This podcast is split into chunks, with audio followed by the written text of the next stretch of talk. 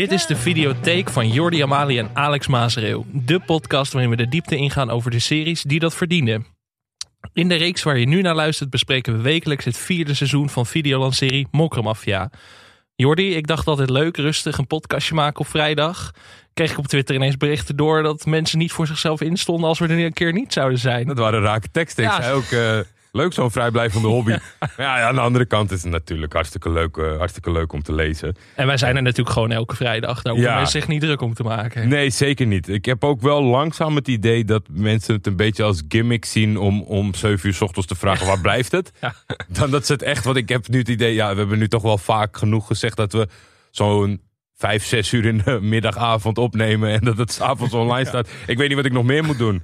Nee, mensen blijven proberen. Die denken van als ik maar lang genoeg blijf zeuren, dan gaan ze misschien echt om 7 uur 's ochtends opnemen. Ja, Maar zorgt er nog voor extra druk bij jou? Ik zag jou met Nou, zwarte handen binnenkomen. Ja, Fiets, precies. eh, nou, er was, er was nogal een uh, mokromafia-achtige route hier naartoe. Want eh, ja, eerst vloog mijn ketting eraf en die was ik aan het repareren. En toen begon er iemand achter mij te fietsen die niet heel eh, stiekem aan het filmen was met een, met een handcam, zo'n ouderwetse handcam. Wauw. Je gaat toch denken van, eh, is dit een film? Of is dit, een- is dit een fan? Of, of word ik achtervolgd? Eh, Ja. ja, ja, als je het zo s'nachts zit te kijken en eh, het alles eh, gaat bespreken, dan eh, ga je af en toe toch andere gedachten dan dat je normaal zegt, hé, hey, grappig, hij maakt een filmpje. Je wordt een beetje paranoïde, denk Ja, ik. ik zat wel een paar keer opzij te kijken wat zij nou te doen. Ja, ik eh, weet niet in welke amateur eh, muziekclip ik binnenkort terecht zit. We, we gaan er naar kijken. 43 minuten. Hm. Dat is toch vrolijk op de donderdagavond. Jawel. Maar Is het weer in afwachting van hoe lang gaan we terugblikken? Vorige week in Mokromafia. 2 minuten 16. 216, ik had hem Ja. ook staan. Ik had hem ook staan. Ja, dat is dan weer meteen de tegenvaller. Ik heb ook geleerd nu, ik ga niet meer enthousiast zijn als ik daar in meer dan 40 minuten zie staan. Ik denk, nee, ik wacht gewoon eerst af tot we die recap gezien hebben. Maar die zijn steeds langer, de recaps. Ik denk misschien dat luisteraars eh, dat nodig vinden of zo, langere recaps. Ik heb het idee dat het meer is dan in vorige seizoenen. Ja, zeker. En ook verdere sprongen naar achteren. Maar Hm. deze week begreep ik het dan enigszins wel, want er was veel van Meltem in versneden. Ja. En wij hebben gemerkt dat mensen in aanloop van dit seizoen gingen vragen van, moet ik dat kijken? Zal ik dat kijken? Ik denk, nou ja, eh, Lijkt me wel handig, want anders snap je dat deze... is gewoon een beetje wel de functie van datgene wat ze speciaal releasen voordat het seizoen begint. Maar dus er zat veel, eh, best wel wat fragmenten in van, van die periode. Dus daar, ja, we hadden natuurlijk ook aan het eind van de afgelopen aflevering gezien dat eh, eh, de Turken in Amsterdam of in, eh, in Nederland waren gearriveerd. Nou ja, met deze re- re- terugblik aan het begin wist je dat zij een rol gingen spelen in Ja. deze aflevering. En een grote rol in deze aflevering. Daarom dacht ik van Meltem was nu handige voorkennis geweest, denk ik. Anders Ja. wist je niet wie Ummer was en zo. En dan zit je misschien helemaal zo van, Als je wie zijn die mensen? nu luistert en denkt, meld hem. Is dit het moment om even op pauze te drukken en naar Videoland te gaan? En toch nog even meld hem op te zetten. Want het, heeft, ja, het zou zelfs nog kunnen hè, dat je hem voor deze aflevering kijkt en dat je dan gewoon helemaal up-to-date bent. Zeker. En als mensen denken waar is Ferry, dan weet je dat ook meteen weer. De, de douanier die ineens eh, zo... Waarom spreken ze verder niet meer? Wat is dit? Mensen die echt in paniek al opbelden van waar is hij? Ja, Maar we zien Potlo, eh, Potlood in de auto op weg naar Duitsland. ja precies. En eh, eh, ik, ik zat heel even te zoeken van, omdat ze natuurlijk... ik dacht, nou, dit is Duitsland. Maar toen... Hij zou samen met Tata gaan en hij zat alleen in een auto. Ja. En toen ging hij naar een, ja, toch wel redelijk ranzig ogende kebabtent naast een brug die op zich eh, wel heel goed zou kunnen zijn. Dat is vaak Ja. aan dat soort tenten. Ja, ik dacht, het is wel gewoon een kenner. Hij kent de lokale cuisine. Hij had, Misschien heeft hij het eh, ook gegoogeld of zo van de beste Yelp-tenten voor, of de beste kebabtenten. Vijf Turkse pizza, vijf cola en vijf water. En hij geeft een naderende zwerver die het eh, etensaanbod afslaat 50 euro. Ja, Dan stapt hij terug in zijn auto en dan gaat hij naar de volgende locatie. En onderweg zien we dan wat hij denkt dat hij had moeten doen. Of zien we dan wat hij gedaan heeft. ik had het idee dat we zagen wat hij echt gedaan had of zo. Ja, Een soort van frustratieuiting, want we zien dus dat hij die zwerver eigenlijk tot moe schopt. Kan ja. ik niet anders zeggen. Op een groot grasveld. niet eerder zo gezien. Nee, maar het is ook wel logisch natuurlijk na alles wat er gebeurd is. De hele, nou, de hele rollercoaster van hem in die serie. Het is niet zo dat Potlood een gezellige tijd heeft in de serie. Maar Nee, hij is nu natuurlijk weer onder de hoede van Paus genomen. Tegen wil en dank. En ik had het idee, ja, ik had het idee dat het echt was. Maar Ja, en dan- zou ik in de hoek gaan zoeken van eh, de opborrelende frustratie in combinatie met dat hij goed bedoeld, zoals altijd goed bedoeld, eh, eten en drinken aanbiedt. En dat die gozer eigenlijk alleen maar geld wil Ja. om eh, slechte dingen van te Ja. kopen. En dat, dat hij hem daarvoor straft. Precies, dat, dat idee had ik er een beetje van. En dat dit voor Potlood ook een soort van frustratieuiting was. Die, die, die kans kreeg hij waarschijnlijk niet eerder om zijn frustraties te uiten. Nee, Want je kunt moeilijk Tornado in elkaar schoppen. Dat lijkt me geen goed idee. Dus maar dat dan lijkt dit, wel eh, een, eh, een perfect bruggetje. Want als iemand ook eh, behoorlijk gefrustreerd is, is het onze grote vriend Tonano. Die loopt te voeteren. Ja, die, heeft, die is natuurlijk erachter gekomen van de inval bij zijn voetbalclub. Die, eh, ja, Rip Cinco. Ik moest nog wel, ik vond een mooie eh, nasleep op, eh, Ja. op social media. En ik moet ook zeggen dat eigenlijk na de na-bespreking nog een keer bij stilgestaan. En als ik die fragmentjes zag. We hebben vorige week al van enige lof voorzien. Maar het was echt, echt een goed karakter. En het is jammer dat hij wat dat betreft er niet meer is. Eh Tornano flipt. eh pauzes eigenlijk redelijk kalm. Weet niet zo goed van de hoed en de rand. En als af en toe in het vloeken Tornano steekwoorden laat vallen. Daar eh, eh, ja, schakelt pauze op in. Onder andere als hij zegt eh Zakaria. En dat, die, die eigenlijk bij zichzelf die herinnering oproept. Doordat hij zegt het komt goed. Dan denkt hij ineens, oh fuck, Ja. komt goed. Zakaria, kutkind. Ja. En eh, dan wil weet hij wel eens weten eh, wie dat is. En of hij er verantwoordelijk voor is. Ja, dat is Ashraf, de neef van Paus, die Ja. er ook bij is. En Samira zit ook in de tuin. Ja, En ehm, ze vragen ook of dat politievriendje van Tata misschien nog informatie heeft gegeven. Volgens mij eh, wordt die door Tornado omschreven als een balzak die denkt dat hij Robocop is op een gegeven Ja. moment. ja. En eh, ja, Tornado is niet Nee, Tornado. daar, ging, daar zat ik ook, wat, wat ik het idee had. Want of ze, ze benoemen ze allebei, of ik werd ook op het verkeerde been gezet. En gaat het over die Marokkaanse regisseur. Omdat hij, zeg maar, net die mislukte aanslag Oh, heeft. Dat ja. hij zegt van, Ja. alles Ah. wat je, alles wat je eh, binnen je macht hebt, regel zijn locatie. Omdat we natuurlijk later in de serie ook nog Ja. een vervolg hiervan zien. Maar ik zat ook te denken van, wat is er nou aan de hand met die klikspaan? Maar het was waarschijnlijk El eh Massaoui. Er liepen heel veel dingen door elkaar in deze scène inderdaad. We hadden Ja. Komt Goed, we hadden de, dus die rode agent en nog de, de Saoui Rashid. Dus die vorige week eh, nou, net aan Tornado wist te ontkomen. Ja, en Paus eh, die zegt tegen Ashraf, eh, ga jij maar naar Antwerpen. Ja, precies. En ehm, ja, Tornado... Om mensen op te trommelen, om te schuilen in deze situatie. Daar was ik nog wel benieuwd naar. Van wat is het motief van gaan naar Antwerpen? Zelfbescherming of eh, extra mankracht eh, inschakelen of zo? Ja, eigenlijk deze hele scène riep best wel wat vragen op inderdaad. Ehm, en ja, Tornado geeft dus Zakaria de schuld. En die zegt ook van, eh, als ik deze kinderen te pakken krijg, dan is het Ar want ze- Arma Kankergeddon noemde die het volgens Ja. mij. Dat is dan wel weer... Maar we zien wel echt een Tornado in paniek. Echt, eh, echt Ja, voor het minder- eerst. ja, voor het eerst. Voor het eerst, ja. Ja, en dat is dan bij hem nog, neigt het nog steeds meer naar de woedende kant dan dat je echt iemand met paniek in zijn ogen ziet. Maar hier komt wel eh trammeland van de aankomende Denk ik ook afleveringen. wel, ja. Maar het is wel grappig hoe, hoe ze eh, eigenlijk ja, ten onrechte en een beetje onbedoeld. eh, eh, nu komt goed als een of andere. ja, eh, Mastermind achter ja, de inval Ik ben gaan ook zien. benieuwd Ja. of je de confrontatie gaat zien dat Pauze hem ontmoet en dat hij denkt: what the fuck, dit is een kleuter. Het is een gastje van 15 die, die de hele organisatie op zijn kop zet. Ja, Dat vind ik ook alweer leuk dat Tornado dat al wel oprecht denkt. Dat inderdaad Chupa Chup eh, dit allemaal voor elkaar kan voor elkaar krijgen. heeft gebeukt. Eh, dan gaan we naar Tata. Dan weten we toch dat de setting Duitsland is. En die, die loopt door een ja, goedkoop hot- motel, hotelgangetje. Komt een kamer binnen, daar ligt iemand met eh, allemaal wapens op zijn bed. En ja, T- Tata is toch eigenlijk wel continu gefrustreerd over hoe fout mensen andere dingen doen. What if I was room service, zei hij ook volgens mij. Ja, nee, het was wel Ja. waar dat je denkt, ja, het is toch niet handig als er iemand binnenkomt vallen. Ja, was wel een grappige combinatie tussen het do not disturb dingetje laten zien en, en boos worden op het feit van dat iemand binnen kan komen. Ja, het kan natuurlijk altijd, maar ik vind gewoon wel heerlijk hoe... Eigenlijk hoeft dat dan niet zoveel te doen om waardering te krijgen van mij. Omdat hij zo lekker Ja, helemaal dat... Ja, Robert Oogs is gewoon helemaal hem, zeg maar. ja. En hij heeft ook echt nul invloed op die gasten. Die zijn gasten zeggen ook, ja, dat is goed. En Ja. zegt van, geef hem een Pepsi en hij krijgt het niet. Hij moet het zelf gaan halen en zo. Het is allemaal... Ook in die fase weer een vraagteken bij mij van wie zien we hier. Eh, ze hadden best wel een Noors, eh, Oost-Europees uiterlijk. Later blijkt dat niet zo te zijn. Maar ik dacht, ja, weet je, ze zouden met z'n tweeën naar Duitsland gaan om te praten. En nu staat er hier een heel uh, moordeskader. Uh, benieuwd waar dat naartoe zou gaan. Gaan we naar de politie.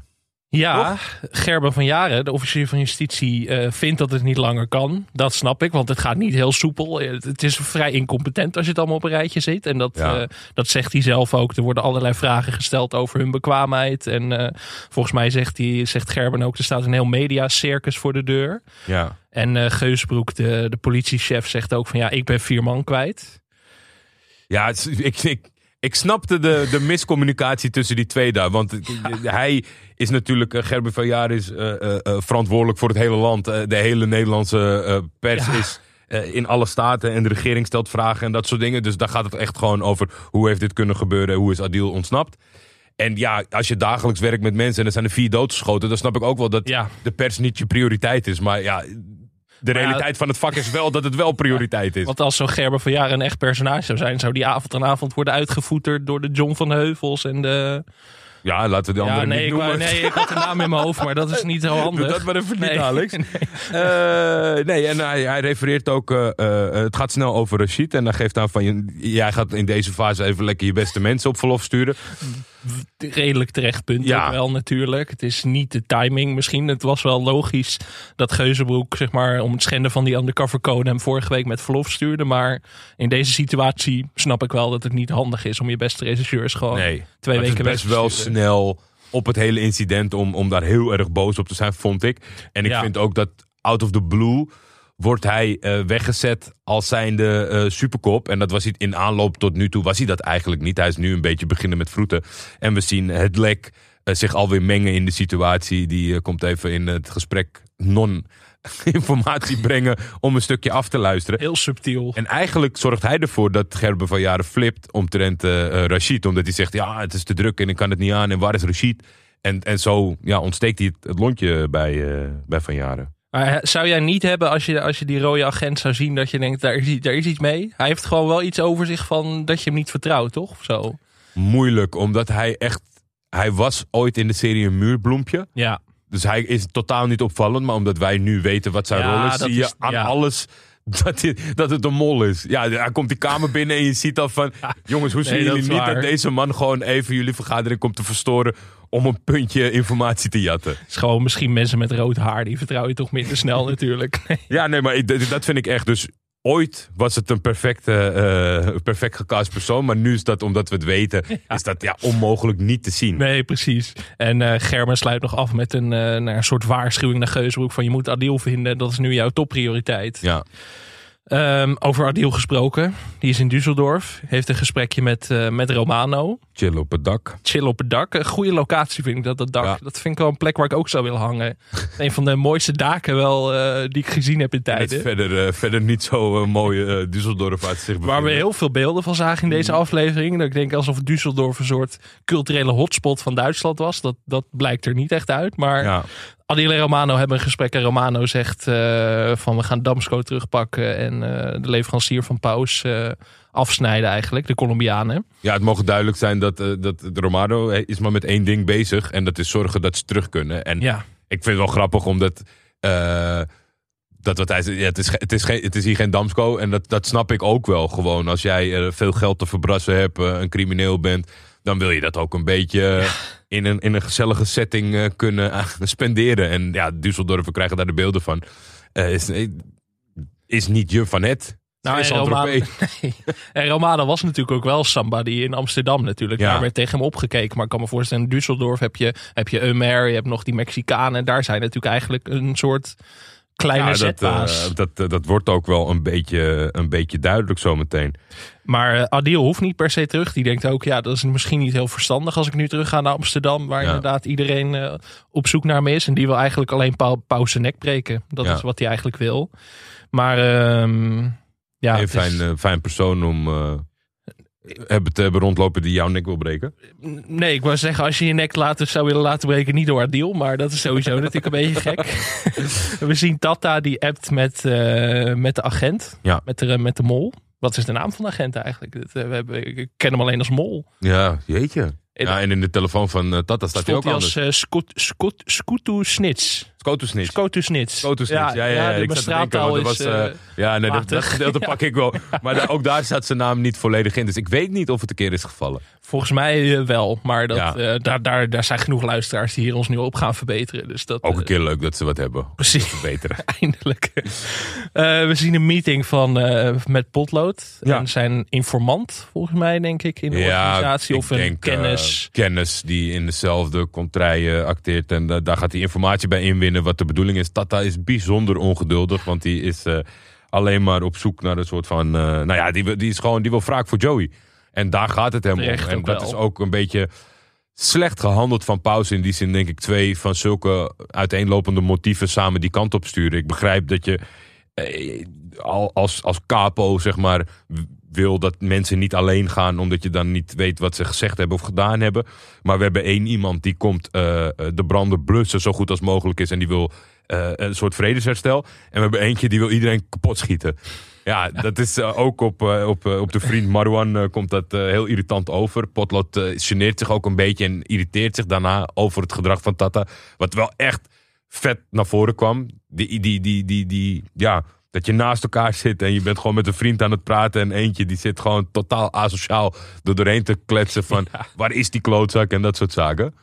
We krijgen ook nog een stukje context mee over de situatie in Duitsland. Want de vriend van eh, Potlood vertelt van... eh, eerst was het alleen coke, maar ze hebben nu ook crystal meth Mhm. naar het land gebracht. En Ja. eh, elke week opent er wel een soort nieuwe fabriek. En ze hebben nog een soort gesprekje van hoe het nu precies gaat met Potlood. En daarin zegt Potlood ook...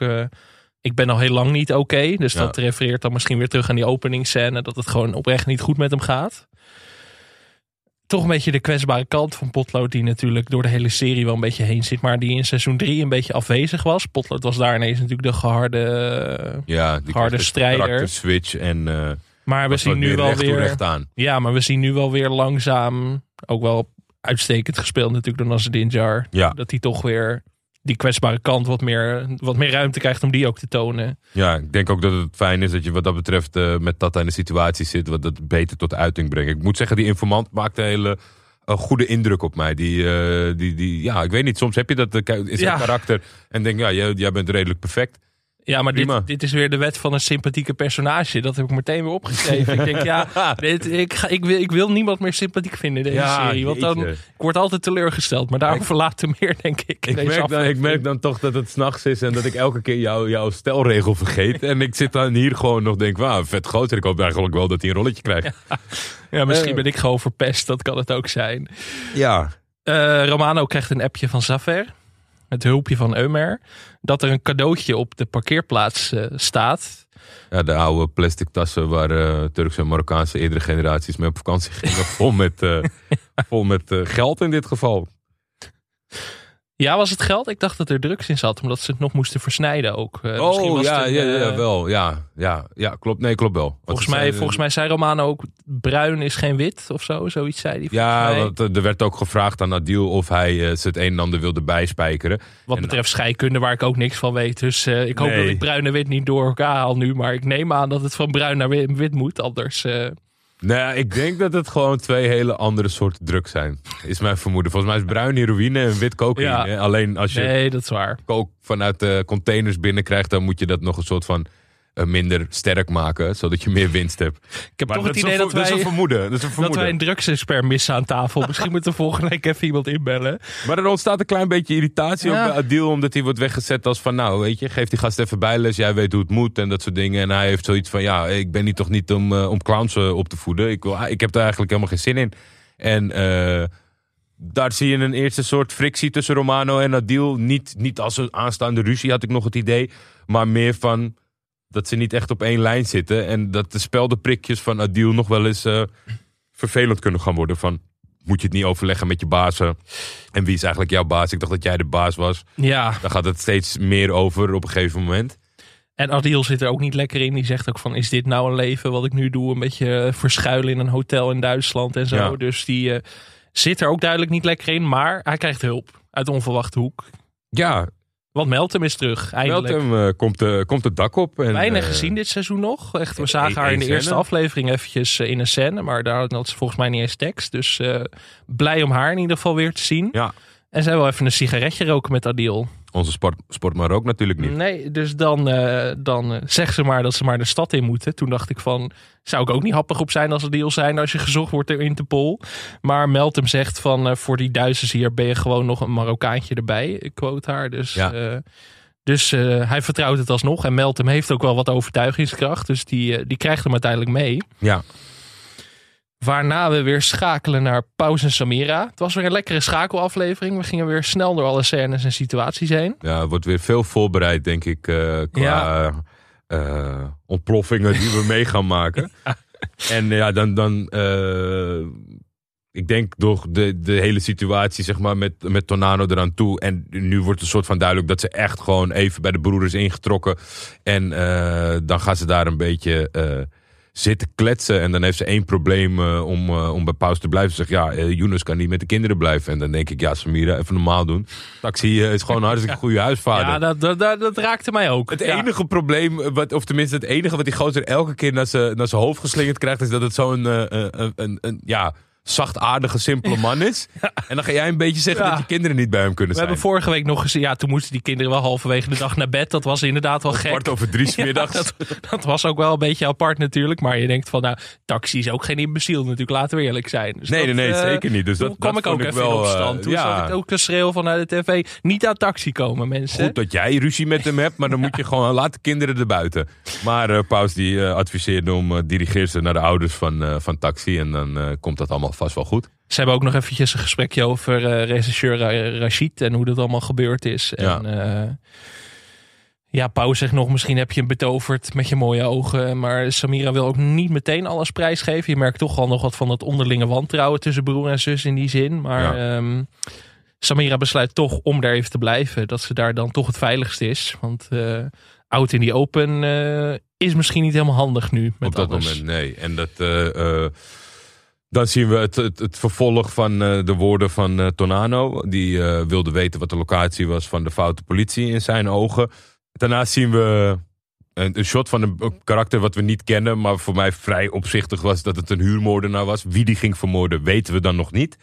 En dan gaan we alweer heel snel terug naar Duitsland. We krijgen even dus de montage van het wonderschone Düsseldorf. Even de, even de highlights en Ja. tramrails en dat soort dingen. Het was... eh, Ik ben op zoek naar een eh, bestemming eh, om met het gezin even weg te gaan. Ik kan je verklappen, Alex. Het is niet Düsseldorf geworden. nee, het is wel Zeker lekker na- dichtbij. Na Ja. gisteren niet. En dan zie, ja, vind, vind ik eigenlijk een, een, een hele vette scène waarin Meltem. Eh, die had natuurlijk al enkele opmerkingen op het dak, maar nu daar nog even gas bij geeft. Zij is echt Adil aan het testen. Ja. En ze doet het met zoveel overtuiging en zelfvertrouwen. En eh, nou ja, de sportman eh, rookt niet, de sportman drinkt niet. maar in plaats van een theetje krijgt hij toch een wodkatje. En zie je dat, het, dat ze een beetje wat loskomen naar elkaar toe. Wil zij hem verleiden? Weet ik niet. Is zij gewoon baldadig? Ik Ja. vind vooral de rol die bedacht is super vet. En niet, niet specifiek om het een en ander, maar eh, een Turks vrouwelijk karakter in alle shit die we gemaakt hebben in Nederland. Ja, dat is toch meestal de passieve muurbloem of de huisvrouw of allemaal dat soort ongein. En hier zie je ineens gewoon een super toffe chick Ja. die scheid heeft aan Adil K.O. Wat volgens mij in de serie het meest imposante voorkomen is.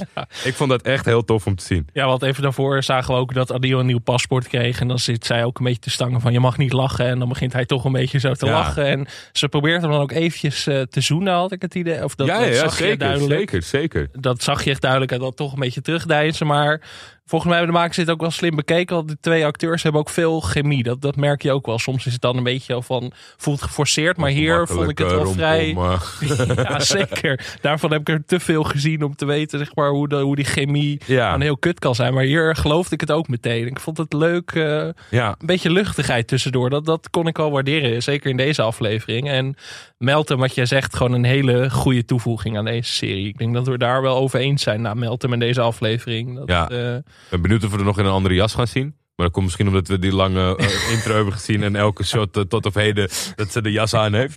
Maar misschien moet eh, ze weer een keer naar binnen. Dat we even wat anders zien. doe die jas eens uit. We, zien Gerben in de auto zitten. Dan maak je je toch altijd zorgen. Als zo'n machtig figuur in een auto op de achterbank zit. Onder een viaduct rijdt hij door. Dat is ook Ja. niet echt een locatie dat je denkt van hier moet een hooggeplaatste officier van justitie per se gaan rijden. Nee. Clichématig zou het zijn, oh hij is een foute. Dat ineens een plot twist is dat Ja, fout dat, is. nee, maar dat was, wel, dat was te ver gegaan, denk ik inderdaad. Dat was in een slechte serie, had dat misschien gekund. Maar dat, dat was heel raar geweest. Nee, maar een rare setting waarin je denkt dat hij of iets geheims gaat Ja. bellen of bespreken of wat dan ook. Maar daar krijgen we eigenlijk te zien dat eh, onze, onze Rashid misschien wel ineens een hele ander, eh, een ander belangrijker personage gaat worden dan dat hij tot op heden is. Het was wel slim gemonteerd, want we zagen, we zagen eerst dus die huurmoordenaar die je net beschreef met er een pistool uit een auto stappen. Toen dachten we even nog van, gaat hij nu naar- naar Pierre Bokma, naar Germen toe Ja. om hem dood te schieten? Dat was wel slim gemonteerd, maar dat was natuurlijk gek geweest als dat zo was gegaan. Maar we zien dus eh, dat de huurmoordenaar eh, naar het huis van Rashid gaat. En tegelijkertijd zien we dus inderdaad dat Rashid Germen eh, inlicht over de hele situatie. Gerben zegt nog even van eh, je bent strafbaar als je cruciale informatie achterhoudt. Volgens mij vertelt Rashid ook niet dat hij is beschoten door Tonano. Nee, nee, nee. Dat houdt hij wel achterwege. En ehm, hij gaat om Geuzenbroek heen en hij zegt eigenlijk van eh, ik wil mijn ding nu gaan doen en eh, jij moet me daarbij gaan helpen. Ja, en het enige inderdaad wat hij wil is bescherming voor vrouw en kind. Die hij dus al naar het buitenland heeft gestuurd. Want ja. we leren dat die huurmoordenaar in een leeg huis aan het zoeken is met een pistool. Hoe, hoe ben jij op dit moment, we hebben het vorige week volgens mij heel even erover gehad, maar de serieuze agent die nu, eh, die nu het gevecht aangaat, dat hij dat is? Ben je daar al klaar voor? Zie je, ik, ik zag wel een klein beetje verandering in zijn Ja. in zijn hoofd of zo, of in zijn, in zijn, Ja, het was misschien ook een beetje gek in deze scène. Omdat, ja, het is ook beetje moeilijk omdat je als acteur dan tegenover iemand als Pierre Bokma staat. Dat is al, dan wordt het contrast natuurlijk al vrij snel groot. En ja, Pierre Bokma straalt zoveel autoriteit uit dat dat altijd een beetje eh, gek is als iemand anders dat dan ook wil doen. Dat dat ja, in deze ook, scène eh, ook een beetje... ook serieus is. Ja, dat, Ja. Dat, daardoor eh, vond ik het een beetje, moest ik ervan wennen of zo. Ik ben Dat benieuwd, wel. hoe, want het, het hoeft natuurlijk helemaal niet tot een gigantische rol te leiden. Maar Nee. hij neemt nu het voortouw en wordt echt de agent. En ik ben, ik ben benieuwd eh, hoe ik daar eh, de aankomende Ja. afleveringen mee omga. Nee, dat gaan we meemaken. Maar hij zei wel een paar verstandige dingen van. Inderdaad, hij zegt van eh, jullie dachten van laat die kut Marokkaan maar posten in de post in de buurt. En dan vervolgens pakken mijn collega's me op en word ik geschorst. Ja, Daar zit nog wel wat woede. Maar hij neemt wel de touwtjes in handen. En ik Zeker. ben benieuwd waar dat toe gaat leiden. Maar daar moeten we het zo nog maar eventjes over hebben. Want we gaan weer eventjes naar Potlood. Die moedeloos voor zich uit zit te staren. Die heeft weer een ontmoeting met... Marwan. Marwan, Ja. dankjewel. Ehm, en Marwan zegt ook van, jullie kunnen beter naar huis gaan, want jullie kunnen niks beginnen. En Eumer gaat op jullie jagen tot de poorten van de hel. Ja, het is een beetje de situatieschets is wat hij net aangaf. Van de Mexicanen krijgen steeds grotere rol en grotere voet aan de grond in Duitsland. En ze zijn gecombineerd met de Turken die half Duitsland in hun, handen, eh, in hun bezit hebben. En, en je ziet ook echt gewoon het ongeloof in zijn ogen en het dringende advies van jongens, wat zijn jullie komen doen eh, met z'n tweetjes en een, en een busje?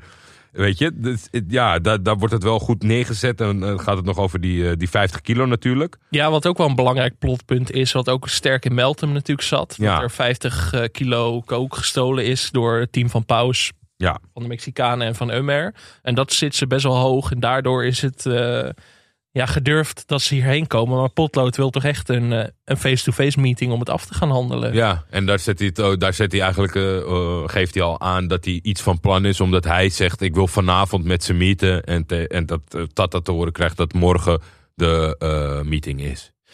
Ja, toch een beetje. eh, Hier begon ik een beetje bezorgd te raken om potlood. Ik denk van, je weet het nooit in Mokromafia. Het kan natuurlijk zomaar ineens einde verhaal ja, op zijn. die manier. Maar ook met die, met even weer in relatie tot die openingsscène of zo. Die natuurlijk een beetje. eh, Ja, ik, ik, snap, ik snap wat je zegt. Alhoewel ben ik zeg maar zo, heb ik zoveel vertrouwen nog in het, eh, in het karakter potlood. Dat ik dacht van, dit is eigenlijk een goede set om ja. ervoor te zorgen dat het niet eh, in de puin loopt. Ik snap wat je doet. Jij wil dat gesprek gewoon professioneel leiden. En dan kan je die gekke kamper niet bij hebben. Die, eh, die, die, die eh, trigger happy naast je zit en die kan wachten om, eh, om iemand te vermoorden. Wat moet het ook heerlijk zijn om zo in het leven te staan als dat hij inderdaad. Die gewoon zegt van, ik wil het hoofd van die Mexicanen en dan lekker naar huis. Dat is Ja. toch lekker, lekker zorgeloos. Terwijl iemand als Oh, even tegen potlood... vrouw aankruipen nadat ik iemand vermoord heb. Terwijl iemand als potlood zich de hele tijd zorgen maakt natuurlijk om alles wat er staat te gebeuren. En Tata is gewoon van, we rekenen af met de puto's en dan gaan we, dan gaan we weer terug. Ja, Dat is heel simpel, maar ehm, Nou, daardoor was dat contrast al mooi om te zien. We zien even een hele korte scène dat Gerben belt met Geuzenbroek, waarover zo later meer. Want Ja. eh, hij, hij spreekt zijn voicemail in, maar die zien we pas later.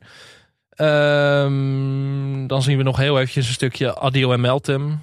Ja, Goede energie, lekker even zuipen met z'n tweeën. En eh, volgens mij inderdaad, als, als Meltem eh vodka bestelt voor Adil, zegt ze ook nog van je moet zijn ID even checken. Want look at that babyface, zegt ze nog en zo. Het ja en een eh, knip, eh, knipoogje naar het feit dat hij een beetje vertrouwen moet krijgen in de kwaliteit van zijn, van zijn nieuwe ID. precies, maar Maar niet dat we, eh, dat we ook echt bij hem ook weer een tweede naam krijgen zoals Romano. Dan wordt het allemaal wel heel Ja, ingewikkeld. dat we kunnen nu al niet meer bijhouden. Dat wordt ingewikkeld hoor. We houden gewoon de originele namen erin. Dat, eh, dat lijkt me het handigst.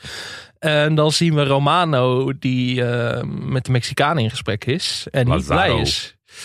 Ja, omdat eh, je ziet daar toch, eh, dat, dat vind ik eigenlijk wel, wel, wel tof. En ik, ik, ik weet ook niet of ze dat nog beet of meer gaan belichten. Maar dan zie je gewoon het contrast tussen, laten we zeggen, de opgeschoten jeugd, de nieuwe generatie criminelen en de serieuze gangsters. Ja. Weet je, ja, die gewoon echt de grote eh, shit eh, om handen hebben. Want zij komen tot de conclusie, de Mexicanen en de Turken zeggen, ja, weet je wat, Eh, oorlog is voor niemand goed. We gaan geen, verder geen wraak nemen. Wij nemen het daar over. En dan is het prima geweest. En Romano, die is eigenlijk de samenwerking aangegaan. Die heeft ze bij elkaar gebracht. En die, die, die hoopte daarvoor een ruil te krijgen, juist eh, om, om wraak te kunnen nemen. Want hij wil gewoon eh, afrekenen met Paus. Ja, En nu gaan zijn eh, maten die hij heeft gekoppeld en het ineens heel goed kunnen vinden. Die gaan beslissen van, nou ja, we gaan toch niks doen. nee, en ik, ik snap het perspectief van de Mexicanen en de Duitsers in deze ook wel. Die natuurlijk puur vanuit het zakelijke perspectief denken. En denken van voor de business is het niet goed als we nu een hele bende gaan proberen uit te roeien. Maar daar zit Romano niet op te wachten. Nee. Hij wordt nog wel bedankt voor het in contact brengen met, eh, met het team van Paus en de Colombianen. Maar ehm, Hij deed me versteld doen staan met zijn Duits. ja, dat had ik, heb ik ook opgeschreven. Mandela- Potlood is natuurlijk de talenknobbel, maar Romano knalt er ineens ook gewoon vloeiend Duits Ja, toch even de shout-out naar Mandela WW, de acteur Ja. die Romano speelt. Echt, echt vloeiend. Ik doe het hem niet na. Dat is echt, eh, het is geen hakken-takken Duits. Het is echt, echt vloeiend. Dat, Nee. is, eh, dat is toch knap. Dan glipt uh, Potlood er tussenuit, want die heeft natuurlijk eh, die meeting op een ander tijdstip dan Tata weet. Dus die moet, eh, die moet er stiekem tussenuit. Ja, we zien nog eventjes dat Samira een soort van nachtmerrie heeft. Ja. Ook een beetje een David Lynch-achtige nachtmerrie-scène krijgen we dan. Ik had de steekwoorden lijk, geest, ezel in de fik. Nee, daarmee denk je de lading wel. Ik ik denk ook niet dat we... Ja, kunnen we was daar meer context bij Een geven? modeshow in de grond. Ja. eh, een, een, een vrouw die zich omdraait, die eh, klaarblijkelijk eh, een eeuw geleden al overleden is. En dan een, een pakezel die in de hens vliegt. ja, weet ik niet. Of het zou, ik, ik zou het gek vinden als dit een diepere betekenis heeft dan dat. Misschien dat ze enigszins hebben natuurlijk deze week besloten om door middel van een animatie ingesproken filmpje de backstory van Tornado te geven. Dat is het enige dat, dat er misschien een backstory lijntje zou zijn. Ik verwacht geen rol van deze beelden in de serie. Jij verwacht Maar geen hoofdrol voor de brandende ezel in de rest van dit seizoen, die nog terugkomt. Dat, dat Paus hem ziet eh, tijdens de laatste adem en dat ze daar samenkomen. Nee, dat verwacht ik dus niet. Maar het zou als e- dat, dat is e- het enige wat ik denk is dat het een soort van backstory lijntje zou kunnen zijn. Want die, weet je, omdat het mode show is, dat is dan logisch. Maar dan ga je daarna twee soort van symbolische dingen. Dan moet je misschien ook een keer uitleggen waar die voor staan.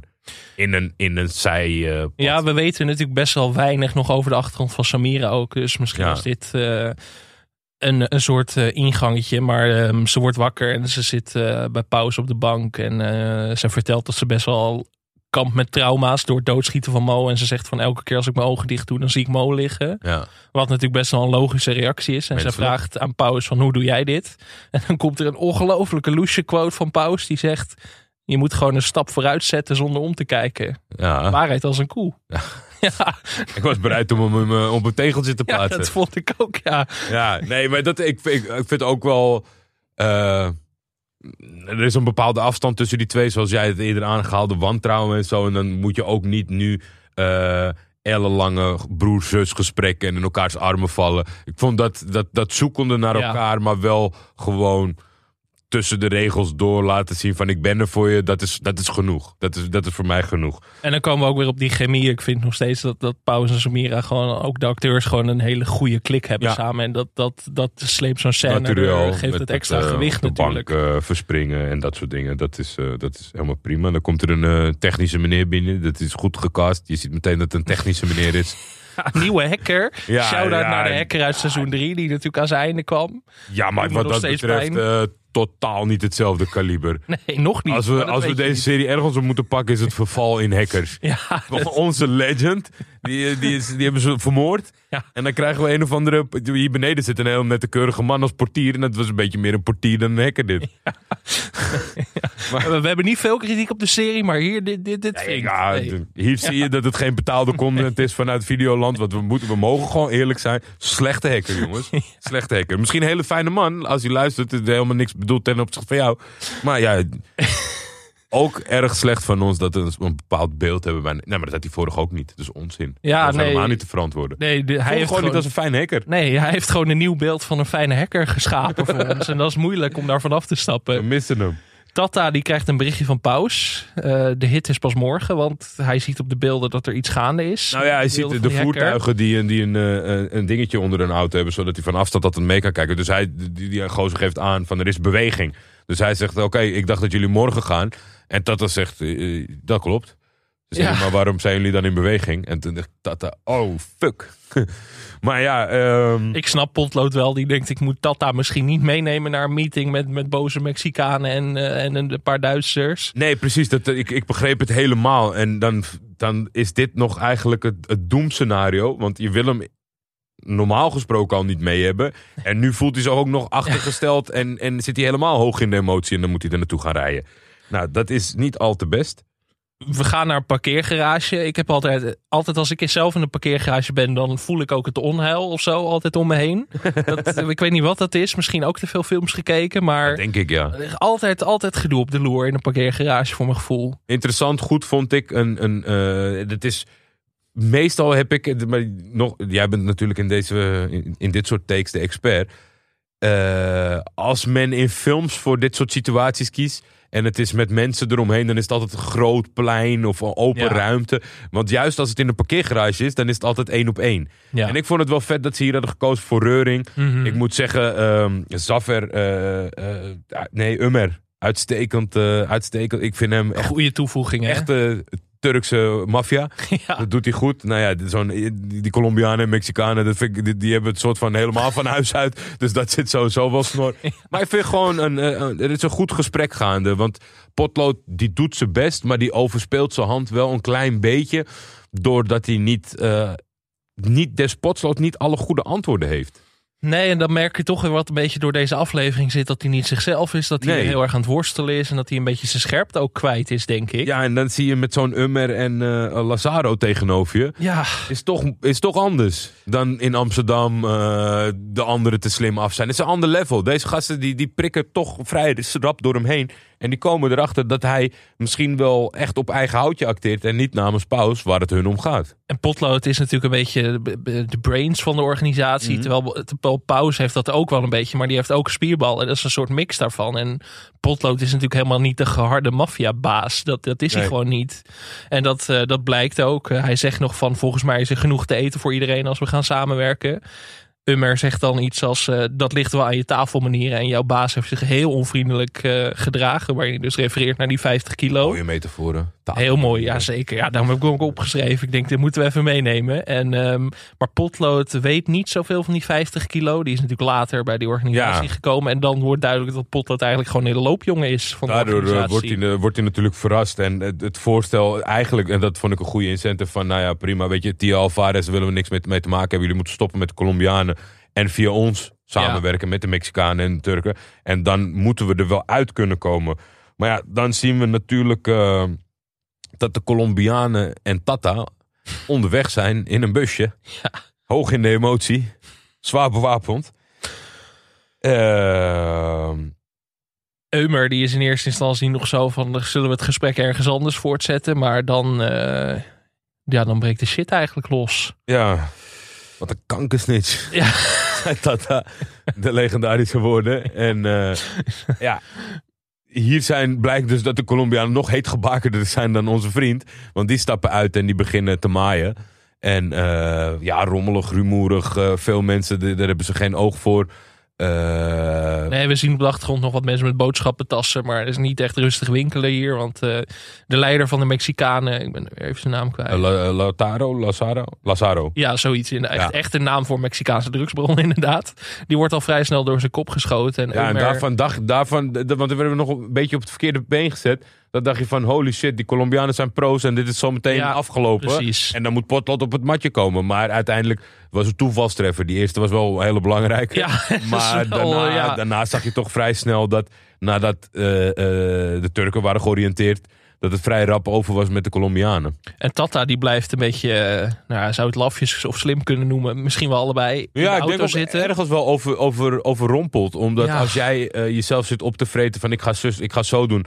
Maar iemand om jou heen die stapt de auto uit en schiet iemand dood. Dat je dan een soort van stijf zit en denkt van ja oké. ik, ik, eigenlijk niet weten wat te doen. Ik Nee. denk, het, lafheid past niet bij hem. Want hij, Nee, is, hij is roekeloos wat dat betreft. Ja, nee, ik zou het dan ook eerder op slim houden, denk ik. En, ehm, maar Potlood en Marouan worden gezien als eh, verraders door Eumer. Die heeft het idee dat zij dit allemaal in scène hebben gezet. En dat het een soort gerichte aanval was. Wat ik ook zou denken. En die moeten mee in de auto. Ja. En Potlood en Tata hebben dus nog eventjes oogcontact. En dat is wanneer Potlood of Tata ook zegt van uh, kankersnits. Ja. Eh, wa- wat eigenlijk wel de titel van deze aflevering ook had kunnen zijn, denk ik. Maar dat had misschien te veel weggegeven. Maar wel een heerlijke quote weer van Tata. Ja. Terwijl ik die niet helemaal begreep in de zin van... Snitch is wel gewoon expliciet over het verhaal. Dus hoezo... Hij heeft net deze shootout gezien. Waarom denkt hij dat Potlot... dat hij nu gezellig met hun mee gaat... en dat hij Ja, een complot andersom heeft gedraaid? Ja, Dat is, dat is niet helemaal logisch. Kijk, dat je kwaad bent dat hij alleen op pad is gegaan. Oké, maar het gebruik van snitch is over het algemeen wel... zeker in deze serie ook gewoon echt bedoeld als verrader. Ik kan me toch niet voorstellen dat dat aan de veronderstelling is... dat Potlood aan de andere kant van het verhaal zit. nee, maar zo kwam die scène wel een beetje Ja. over inderdaad. Maar dat was gek geweest, want hij kwam met, met die Colombianen aanzetten. Dus eh, Ja, eh, een andere parkeergarage in Nederland. We zien, Hmm. eh, we zien Geuzenbroek, eh, de teamleider in een parkeergarage... die dus die voicemail van Gerben heeft. En Gerben vertelt hem in die voicemail dat Rashid een schaduweenheid gaat leiden... die intensief jacht gaat maken op de groep van Paus. Dat wordt eigenlijk weggetrokken uit het team van Geuzenbroek... omdat hij een mol heeft. En dat is natuurlijk niet handig. nee. Want dat levert zoveel problemen en shit op. Dat, dat Gerben ook dacht van nou, iedereen behalve die Geuzenbroek. Want daar word ik helemaal moe van met zijn met zijn slechte team. En eh Rashid gaat alleen rapporteren aan Gerben. En eh, die hele eenheid wordt gefinancierd vanuit het ministerie. Ja. Werd er nog bij gezegd. Ik weet, niet, ik weet niet waarom, maar dat is toch fijn om te Dat, weten. dat men wel dat niet, eh, dat niet de belastingcenten zijn. Dat je thuis zit. Wat verdomme, dit is, eh, dit betaal ik weer mee aan deze groepering. Maar ja, het, het, het, heeft, het heeft niet mogen baten. Want eh, onze rode vriend is erbij. We zien inderdaad beelden van de taskforce. En Hij we is er weer zien eh, bij. onze rode vriend binnenkomen. Hij is er weer bij. Een No pauze. offense Prima. trouwens, trouwens tegen alle mensen met rood haar. Zeker Dat, niet. eh, we noemen hem even de rode vriend, omdat we eventjes eh, de Zijn naam, niet, hebben. eh, paraat hebben. Ja, ik ben benieuwd wat ze daarmee gaan doen. Want het is natuurlijk ook een soort van... eh, ja, hoe, zou je dat zeggen? Als hij nu gewoon weer kan door blijven mollen. Maar aan de andere kant voel ik ook weinig voor een, een, een, een booby trap of een valstrik. Dat ze, dat ze gaan zoeken binnen dit groepje mensen of er een mol zit. Ik, Ja, dit was dus een scène waarvan ik niet helemaal wist van wat, wat gaan we hier nou zien. Want het lijkt echt alsof er iets wordt opgebouwd hier. Van eh, dit wordt de taskforce die Team Paus misschien wel gaat... eh, wij gaan zo allemaal post-its met rode draadjes en eh, prikborden. zo Carrie Madsen zijn bord aan de muur, weet je wel, met allemaal lijntjes. Maar nee, toen, toen zag ik die mol en denk ik, ja, nou, die taskforce kan ook begin volgende aflevering al opgegeven worden. Maar er wordt natuurlijk wel heel nauwkeurig naar opgebouwd al twee Ja. afleveringen lang. Dus ik zat een beetje ertussen van, Ja, maar ik denk specifiek de rol van de mol. Daar ben Ja. ik ontzettend benieuwd naar. Omdat als ze het gewoon voortzetten, als hij kan nog steeds blijven mollen. En dan, dan gaat die eenheid niet werken. Dus er zal iets anders zijn. Ja, want we zagen ook eerder in deze aflevering dat, dat de rode mol inderdaad een berichtje kreeg van Tata. Van ik ga achter die familie aan als je mij nu dit adres van Rashid geeft. Dus het is ook niet zo dat Tata de meest geduldige man is om je informatie aan kwijt te kunnen. Dus ik ben heel benieuwd hoe dat zich gaat ontvouwen. Ja. Sympathiek eh, mens dood. Ja, het was weer zover. het is, eh, er gaat geen aflevering voorbij of het, het is weer even vervelend. Maar eh Ja, Marwan wordt gewurgd op een vrij pijnlijke manier. voor de ogen van eh, zijn vriend Potlood. Nou, wel inderdaad wel echt, een- echt een one-hit wonder. Ik vond het ook een goed personage. Goed gedaan door die acteur. Je ging meteen van hem houden. En wel Ja. echt zo, eh, ja, wat jij wel we vaker over hadden. Gewoon sommige personages zijn gewoon één aflevering helemaal top ook. Ja, dus in deze de uiterste, de hacker en, en Marwan. eh, ja, de, de, de- veel verder uit elkaar kan het niet liggen qua, qua hit or miss wat dat betreft. En eh, ja, ik, ik schreef ook eigenlijk alleen op eh, rest in peace, Marwan. Ja, shout-out. Shout-out ook. Zeker. eh, en eh, we gaan eh, zijn IMDb-pagina volgen. Want er zit veel meer in ja, deze dat jongen. vind ik ook. Ehm, en ja, dan, zou je, dan zou het mogelijk kunnen zijn. Want ze zitten natuurlijk, hij en Potlood zitten in dezelfde ruimte op hun knieën te spreken voor hun eigen parochie. Of tenminste, om een soort van. hem er op andere gedachten te brengen. Eh, dat lukt Potlood net aan.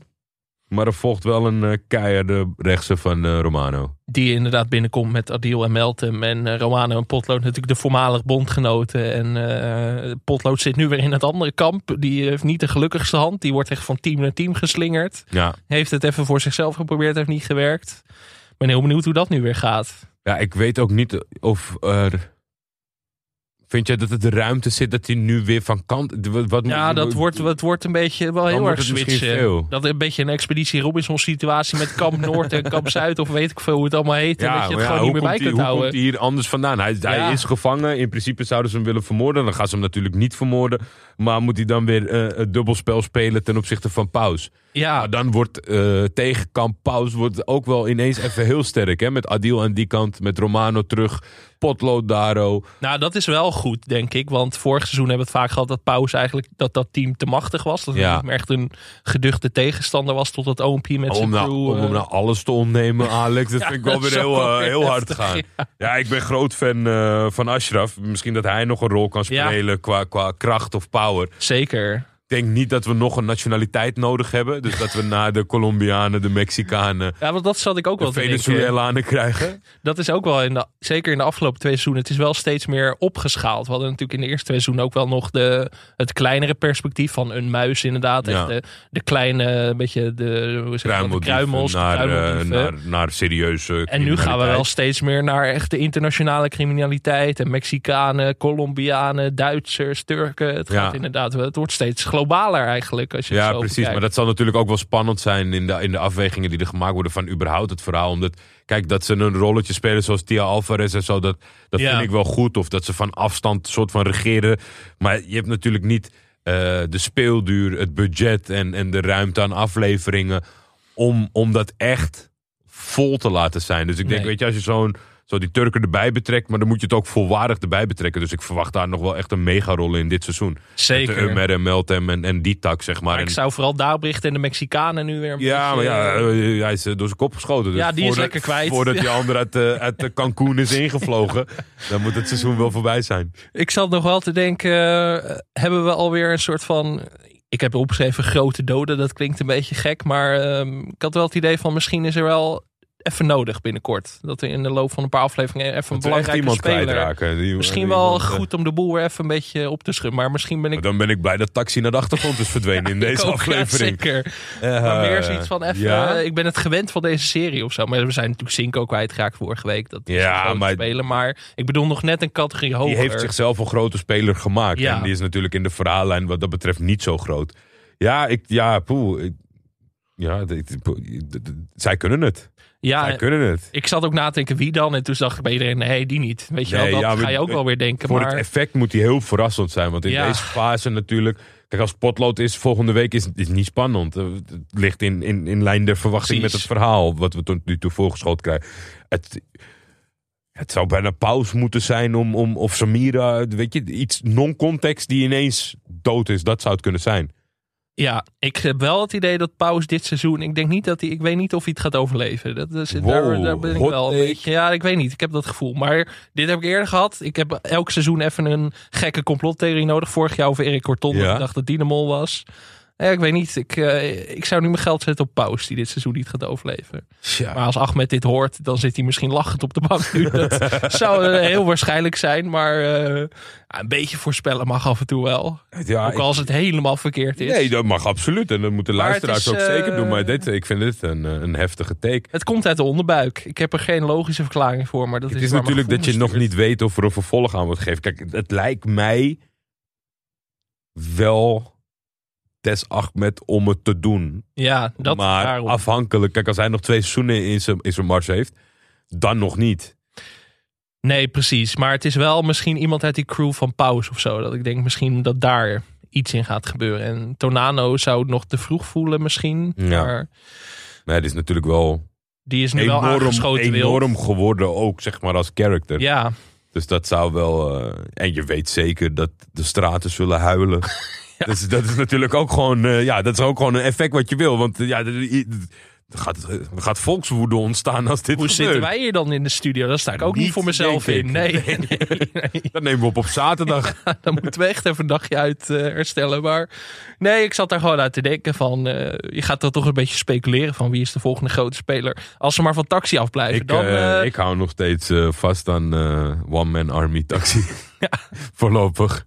Daar hoop ik ook erg op. Over taxi gesproken. Taxi staat in onze top 5. Ja, Emotionele uitbarsting voor vorige week. Hij staat daarin met samen met de scènes Joey bij het zaalvoetbal. De kantine scène tussen Tonano en Komt Goed. De ribbeltjes chips van Havik en de robotstofzuiger. Wat gaat erin, wat gaat eruit, Jordi? Oei, oei, oei, oei, oei. Ehm, ja, de titel van deze aflevering was, was ook tevens de, de beste lach voor mij. Omdat we in deze hoek toch wat meer zitten. Maar dan moet ik taxi daarna één week alweer uithalen. In omdat dat ook gewoon eh, acting was. En, en niet zozeer de, de, de, de, de slimme balans tussen serieus en, en, en humor in die deze serie bezit. Ik- Nee, nee, daar ben ik niet klaar voor. Anders wordt het ook heel lollig. Dan krijgen we echt een hele komische top 5 voor deze Dat je serie. dat Ja. Videoland een compilatie maakt van die top 5. Dat je denkt, wat een lachen Wat een leuke comedy. Wat een comedy Beste serie. Nederlandse comedy in jaren. Eh, jeetje, ja, nou ja, als je er niet klaar voor bent, dan moet jij er maar wat uithalen. ja, Ja, Joey kunnen we eigenlijk ook nog niet kwijt, denk ik. Of is, Jawel. de tijd gekomen? jawel, de tijd is gekomen. Ja, Joey heeft, Joey ook- heeft zijn eigen serie. Joey heeft zijn eigen serie. Ik heb gekeken, eh, twee afleveringen. Ja, als je deze serie kijkt en ervan geniet... en als je, zeker ook als je zo diep erin zit dat je dit luistert... neem maar van mij aan. Ze zijn eh, eh, heel kort. Zijn dus een minuut of zes of acht. Eh, het is ja, gewoon fantastisch om te zien.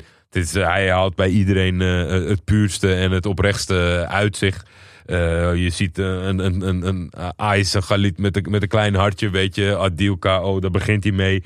Eh, elke aflevering gaat hij aan de hand van een van de acteurs... en dan ook nog iets doen, zeg maar, wat ze op de set doen. Of een stunt nabootsen of uh, geschminkt dat hij in elkaar is geslagen.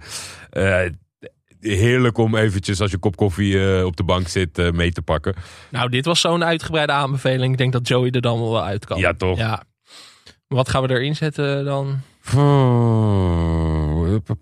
Ja, het, als we het weer op het, het, op het filmische moeten gaan zitten. Want ik denk, ja, echt in, in de humor vond ik dat niks over Tata heen ging met, eh, met eh, was je op kankerexcursie. Weet je, dat, dat, voor de rest was het gewoon een grimmige aflevering. Dus Ja. dan, dan, en als je dan naar het acteerwerk gaat kijken of, of, of scène-wise wat mij het meeste aansprak, dan was het de, de, de klik tussen Meltem en Adil. Ja. Ik denk als je die, eh, die minuutjes achter elkaar zet, dat dat gewoon echt... eh, Een, een goede romcom zou kunnen worden bijna. Ja, maar gewoon de- oprecht eh, genoeg en, en spicy genoeg. Weet je, het was, het was- vorige week was het een beetje met ehm Tonano en Samira van Ja, zoetsappig met een voetbal en, Ja. en een blikje en een dingetje. ja dit werkt Maar dit was, dit was, dit was eh, ja, weet niet, voelde eh, rauwer. Ja, nee, dat ben ik met je eens. Dus de bromance tussen Adil en Meltem gaan we er dan eh, inzetten. Ja, doen we. Doen we. Dan was dit hem, Jordi, voor deze Zeker. week. Mokkere Mafia Taxi Talk is onderdeel van Videotheek. De seriepodcast van Jordi Amali en Alex Maasreel. Wil je meepraten over het vierde seizoen van Mokkere Mafia? Wil je ook absurde fantheorieën droppen? Want anders sta ik hier weer helemaal alleen. Dat is ook een beetje lullig. Wil je Alex uitlachen? Mag dat ook? Daar, kan ik mij. inmiddels wel tegen. Stuur ons dan een berichtje via Twitter, via @tefef of @alexmazereeuw. Of stuur een berichtje op Instagram waar je ons kunt volgen op @videotheek, de podcast. Videotheek is een podcast van Dag en Nacht Media. Het Taxi Talk artwork is van Gizem Toprak. En de muziek is van de enige echte Marokkaanse James Brown, Fadoul. Volgende week vrijdag zijn we er weer. Zelfde tijd, zelfde zender. We zijn er echt niet ochtends. Je kunt blijven hopen. Misschien als je dingen aan gaat bieden, dat we misschien wel gaan kijken wat er mogelijk is. Maar tot die tijd blijven we gewoon rond een uurtje of zes uitkomen. Dus eh, Ja. En blijf mensen vertellen over waar je ons kan vinden. Want Ja. het is nog steeds een. eh, het een is een beetje een rommeltje, maar dat is ook wel weer leuk. Het moet ook een beetje is spannend ook, ook blijven. des Jordi en Alex. Maar we hebben, al met al hebben we er echt een eh, gigantische rotzooi van gemaakt. Maar we zijn het aan het herstellen. Ik heb op mijn eh, Twitter een potlink. En dan kan je via de potlink kan je alle, alle distributeurs ter wereld benaderen. En dan kom je bij de goede uit. Ik, ik vind het echt humor. Vorige week was er nog iemand die mensen zei van... Ik heb Meltem geluisterd, maar waar blijft de rest? Er zijn al drie afleveringen. Die dag, ze nemen echt hun tijd. nee, dat, eh, het wordt uiteindelijk allemaal beter. Maar nou, v- je kunt ons overal vinden. Is denk ik, eh, het is een beetje zoeken, maar dat is ook wel weer spannend. Kan ik me Zeker, voorstellen. zeker. Maar volg ons via Videotheek. En tot volgende week. Tot volgende week.